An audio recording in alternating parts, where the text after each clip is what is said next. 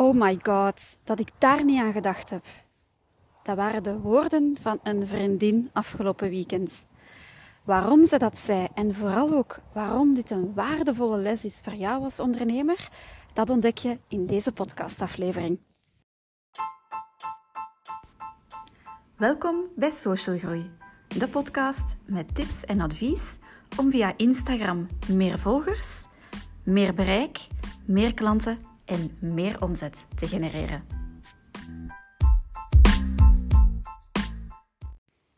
Een hele goede avond en welkom bij alweer een nieuwe podcast-aflevering van Social Groei.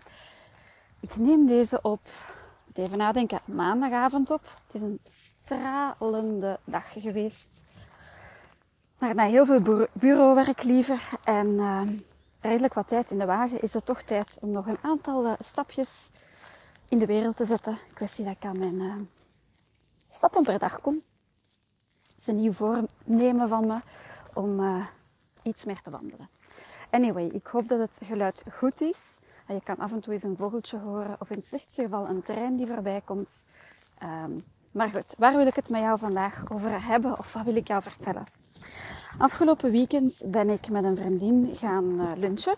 Dat doen we wel vaker. En omdat wij een, ja, ik kan wel zeggen, een stukje carrière gemeenschappelijk hebben. Niet dat we bij dezelfde werkgever ooit gewerkt hebben, maar we hebben allebei heel veel uh, ervaring in sales of in salesomgevingen. Is dat iets waar dat we echt wel uh, goed op matchen en waarvoor we met elkaar terecht kunnen voor uh, advies of als we eens willen brainstormen, whatever. Dus tijdens onze girl uh, lunches of girl talks komt dat ook altijd wel even aan bod. Zij is zelf, uh, ik gok een kleine tiental maanden geleden van werkgever veranderd. En het bedrijf waarvoor zij werkt is actief in het horecasegment. En dat bedrijf maakt of verzorgt uh, catering, alles food, drinks en alles wat erbij hoort, ook de omkadering voor bedrijfsevenementen, feesten, kunnen ook privéfeesten zijn, uh, ja, andere evenementen. En de afgelopen weken is het daar zo verschrikkelijk druk geweest. Het personeel heeft echt uh, ontzettend hard moeten werken. Dus de werk, ja, haar werkgeefster, de verantwoordelijke of de eigenaar, eigenares moet ik zeggen, van de zaak besloot om haar werknemers te bedanken door een ja, bedrijfsbarbecue te organiseren. Wat natuurlijk een ontzettend fijn en dankbaar, um, een dankbare daad van haar is. Hè? Ik uh, sta er altijd van vers, versteld. Sorry als er even een echo klinkt als ik hier een brug onder ga. Um, hoe weinig dat werkgevers hun appreciatie uiten naar hun werknemers toe. Dus als ik dan zie dat dat gebeurt, kan ik daar alleen maar blij en dankbaar voor zijn. Dus, aangezien zij zelf in de horeca actief zijn, spreekt het voor zich dat die dame haar eigen koks niet aan het werk ging zetten voor de barbecue, maar dat daar extern hulp voor gezocht mocht worden. Dus mijn vriendin kon aan de bak en kon of mocht gaan zoeken naar iemand om die catering te verzorgen. En ze was daarover aan het vertellen. En ik zei spontaan, heb je dan niet aan die persoon gedacht? Ze zat tegenover mij. En ik zag echt haar mond openvallen. En toen zei ze dus, oh my god. Dat ik daar niet aan gedacht heb. Ja, natuurlijk. Weet je nog, zei ze, want ik heb haar eigenlijk leren kennen. Sorry als er nu lawaai doorkomt als de trein die passeert. We hebben elkaar leren kennen op de CrossFit. X aantal jaren geleden. Dus we delen ook een uh, sportieve interesse. Niet dat ik nu nog crossfit, maar anyway. En uh, die persoon, die barbecue-expert mag ik wel zeggen, is daar ook uh, een keer komen eten maken. En ze zei, oh ja, en heb je dat toen niet geproefd? En dat was toen zo lekker. Dus ze kent hem al. Ze weet wat hij doet. Want ik zei ook, dit is toch de, de barbecue-specialist ter zake. Hier in de streek sowieso, maar bij uitbreiding eigenlijk ook nationaal. En ze zei, ja, helemaal waar dat ik daar niet aan gedacht heb. Dus ze kent hem, ze weet dat hem goed is in wat hij doet En toch heeft ze er niet aan gedacht. Ze is daar volledig aan haar aandacht, aandacht ontglipt. Natuurlijk bijzonder jammer voor de ondernemer in kwestie. Want ze heeft ondertussen iemand anders gevonden. En um, dat deed me gewoon stilstaan bij het feit dat je gewoon van jezelf moet laten horen. Ik merk dat ondernemers vaak bang zijn om mensen lastig te vallen. Ja, maar dan gaan ze denken ik ben weer daar. Moet ik mezelf weer laten zien op social media? Of ja, nu stuur ik toch geen mailing meer uit, want ze gaan me beu zijn. Ik kan alleen maar herhalen en zeggen, als jij een social media bericht post, bijvoorbeeld op Instagram, en je hebt 100 volgers, dan gaan geen 100 mensen dat bericht gezien hebben. Hoeveel het er precies zijn, kan ik natuurlijk niet zeggen. Het varieert van jouw publiek, hoe actief dat ze ook zijn. Maar een fractie van die 100 mensen gaan jouw bericht zien. Dus als jij een soortgelijk bericht daarna post of in een ander jasje giet of je herhaalt het later nog wat is, is de kans heel groot dat die persoon dat nog niet gezien heeft. En als een van die volgers een vorige bericht al wel gezien heeft, ja, dan kan het maar een herinnering zijn.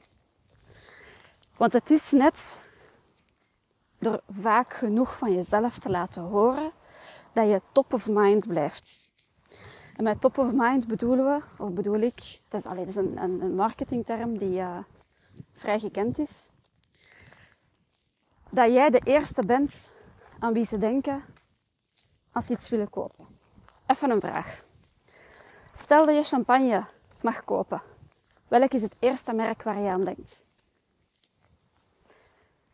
Mijn eerste gedachte is Moët. Um, daarna een Veuve Clicquot. Dat zijn de eerste twee waar ik aan denk. Dus in mijn geval is Moët mijn top of mind. Je wil, als ze in dit geval bijvoorbeeld aan een barbecue specialist denken, dat ze aan jou denken. Als jij een schoonheidsinstituut hebt en mensen willen voor de diensten die je aanbiedt naar jou komen. Nee, als mensen voor de diensten die je aanbiedt op zoek zijn naar iemand, zo is het liever. Ik was even afgeleid van hoe geweldig mooi de natuur nu is. Het is echt heerlijk nu, dus sorry dat ik even afgeleid was. Als iemand op zoek is naar een dienst die je aanbiedt, dan wil je dat jij als eerste naar boven komt. Want dan kan je je diensten verkopen. Ik zeg vaak, als ze jou niet kennen, kunnen ze niet bij je kopen. Dat is waar. Maar als ze niet aan jou denken, als ze willen kopen, gaat het ook niet lukken. En dat kan jij voorkomen door, als je al een mailinglijst hebt, hoe klein die ook is, maakt niet uit, regelmatig een e-mail uit te sturen met nieuws. Zoals ik dit verhaal dat ik nu opneem in de podcast ook heb uitgeschreven en daarnet heb verstuurd naar de mensen die op mijn mailinglijst staan. Het is uit onderzoek gebleken dat het voor jouw business slechter is om te weinig te mailen dan te veel.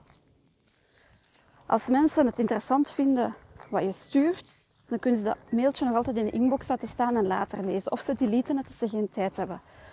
Als ze echt om welke reden dan ook geen nood meer hebben aan jouw diensten, zullen ze zich uitschrijven of zullen ze jou ontvolgen. En dat is niet erg, dat hoef je niet persoonlijk te nemen. Neem nu het voorbeeld van een doula. iemand die je begeleidt door in je zwangerschap en uh, bevalling. Ik heb een vriendin die uh, ja, daar op langere termijn... Uh, ze doet dat nu al in, een, stukje in bijberoep, maar daar potentieel haar hoofdberoep van wil maken. Ja, als jouw kindje geboren is, buiten misschien wat nazorg, um, ga je die diensten niet meer nodig hebben en gaat het voor jou misschien niet meer interessant zijn om die nieuwsbrieven van die doula te krijgen. Moet die persoon, die vriendin in kwestie, dat dan persoonlijk opnemen? Nee, de interesse of de nood is er gewoon niet meer. Net hetzelfde um, zoals ik een hele tijd heb gezocht, anderhalf jaar, twee jaar, ik weet het al niet meer, naar een huis om te kopen. Ik was ingeschreven op, op ImoWeb, Zimo, op um, alle mogelijke immobiliënkantoren stond ik op hun mailinglijst ja, het spreekt voor zich. Eens ik mijn huis gekocht had, Ik was niet meteen op zoek naar een tweede. Nu nog altijd niet trouwens. Dus ik schrijf mij uit. Heeft dit dan iets te maken met de kwaliteit van dat IMO-kantoor? Nee, ik heb het niet meer nodig. Wat ik wou, heb ik gekocht. Punt. Dus daar moet je niet bang voor zijn. Als mensen zich afmelden van jouw mailingbrief of, van, of jou ontvolgen, heeft dat vaak een goede reden die in de meeste gevallen, de uitzondering daar gelaten, met jou niks te maken heeft. En graag wil ik jou nog twee extra voorbeelden geven om de kern van mijn boodschap vandaag kracht bij te zetten. Deze morgen uh, opende ik mijn inbox en zag ik daar twee mailtjes in staan. Waarvan het eerste ik vandaag zelfs niet meer kan zeggen wat het de naam van de winkel was. Ik weet het niet meer, want ik dacht nog, huh, welke winkel is dat? Heb ik me daar ooit op ingeschreven? Maar ik opende het toch. En ik zag daar iets tussen staan en ik dacht, ah, maar dat zocht ik net. Want ik was vorig, ja, weekend gaan shoppen. Ik had specifiek naar een kledingstuk gezocht. Ik had dat gepast in de winkel. Waar ik, ik, had het, ik had het online gezien. Ik ben dan naar de winkel gegaan. Ik heb het gepast, maar de kwaliteit was niet wat dat, uh, wat dat het moest zijn. Ik, ja, ik hou niet zo van synthetische dingen. Um, als het kan, liever een natuurlijker materiaal. En ik dacht, nee, dit is het niet. Het zag er mooi uit, maar het, het, voelde ook niet, niet fijn aan. En hier hebben we kunnen kijken naar de samenstelling van de stof. En dat was wel perfect. Dat was katoen. Ik dacht, oké, ideaal. En met dat ik door die webshop scrolde, zag ik nog een tweede item. Dat ik graag wou kopen, maar dat ik dit weekend, als ik ging shoppen, niet heb gevonden. Dus dat heb ik ook besteld. Ik heb daar vandaag twee kledingstukken besteld. Ik kan jou de naam van de winkel niet zeggen. Ik heb geen flauw idee. De link naar haar Instagram-pagina werkte ook niet in haar mailing. Want ik dacht, oh, eens kijken. Heb ik die misschien ooit eens gevolgd op Instagram en ben ik daardoor op die mailinglijst terechtgekomen? I don't know. Anyway, ik heb het gewoon besteld. Idem dito met een uh. Ja, nee, en, uh, het is eigenlijk een marktkramer. Die groenten en fruit verkoopt. Waar ik ooit, ik denk al een keer of drie, vier, een bestelling heb geplaatst. Want ik vind dat super gemakkelijk. Die komen dat aan huis leveren als ik geen zin heb om de stad in te gaan. Um, en die stuurde vanmorgen toevallig een mailtje. En die hebben altijd pakketten. Een fruitpakket, een groentepakket. Een, een mix van een fruit- en groentepakket liever. En mijn crisp-levering, dat is die uh, boodschappendienst aan huis. Als je mij al wat langer volgt, heb je mij daar al over, over horen vertellen in vorige afleveringen. Of een vorige aflevering. Die hadden eind vorige week geleverd. Dus ik heb nog wel redelijk wat op voorraad. Maar toch, ik weet dat die firma op dinsdag in mijn thuisstad levert. Het is vandaag maandag, dus dan was het het moment om te bestellen. Hadden die twee ondernemers mij vandaag niet gemaild, had ik bij hun niks gekocht. Hoe is, de, hoe de uitdrukking nu weer? Niet geschoten is altijd mis. Zoiets denk ik, hè? Dus, boodschap van vandaag. Alsjeblieft, als je een mailinglijst hebt, stuur regelmatig een mail naar jouw klanten. Blijf regelmatig berichten posten op jouw social media kanalen. Afhankelijk van welke dat, voor jou is. Hè. Mijn main uh, communication platform, mijn uh, grootste social media kanaal is Instagram. En andere social media kanalen ben ik iets minder actief op. Maar kijk welk platform het beste voor jou werkt. Blijf alsjeblieft regelmatig posten. Je wilt top of mind blijven als iemand op zoek is naar jouw product of dienst. Dat was mijn grootste boodschap voor vandaag en ik hoop dat ik jou hiermee kan inspireren. Laat het mij zeker weten of dat het geval is. Stuur mij een berichtje op Instagram. En en plus wil ik graag ook nog het volgende meegeven. Want velen onder jullie weten ondertussen dat ik aan social media beheer doe. Dus waarbij ik de social media van ondernemingen volledig van A tot Z opvolg. Zorg voor maandelijkse berichten. Ik geef ook een uh, cursus die drie maanden duurt. Dat is één op één coaching over Instagram. Maar, wat velen nog niet weten, is dat ik ook een online Instagram cursus aanbied. Dat is ideaal voor iemand die nog niks of heel weinig van Instagram kent, die graag op eigen tempo leert. En dat op een extreem budgetvriendelijke manier wilt doen. Want in die modules leer je in minder dan twee uur tijd hoe je een Instagram pagina kan aanmaken, inclusief, en dat is heel belangrijk, de eerste negen posts. Dus wat heb je nodig? Een computer, internet, pen en papier. Twee uur van jouw tijd. Je kan dat ook opsplitsen in twee keer een uur. En de investering hiervoor is op dit moment minder dan 100 euro exclusief BTW. Geef nu eerlijk toe. Twee uur tijd moet je wel ergens vinden en voor het bedrag kan je het niet laten. Heb jij dus nood aan een extra kanaal om de naamsbekendheid van jouw zaak te vergroten? Ben je nog niet actief op Instagram of weet je eigenlijk niet hoe dat, dat werkt? Heb je wel al een account, maar weet je niet hoe je die posts moet maken? Dan is die cursus iets voor jou. Ken je iemand die nog niet actief is op Instagram, maar het wel zou willen en die dat aan een extreem budgetvriendelijk, budgetvriendelijke prijs wil doen? Dan is deze cursus iets voor hem of haar. Laat het hem of haar dan zeker weten. Je krijgt meteen toegang tot alle modules. Dus um, waar wacht je nog op? Ik ga de link toevoegen naar de cursus in de show notes. En dan wens ik jou voor nu een ontzettend fijne avond. En ik hoop jou in de volgende podcast terug te mogen toespreken. Ik zal het zo noemen dan, want zien lukt natuurlijk niet. Hele fijne avond. Doei doei.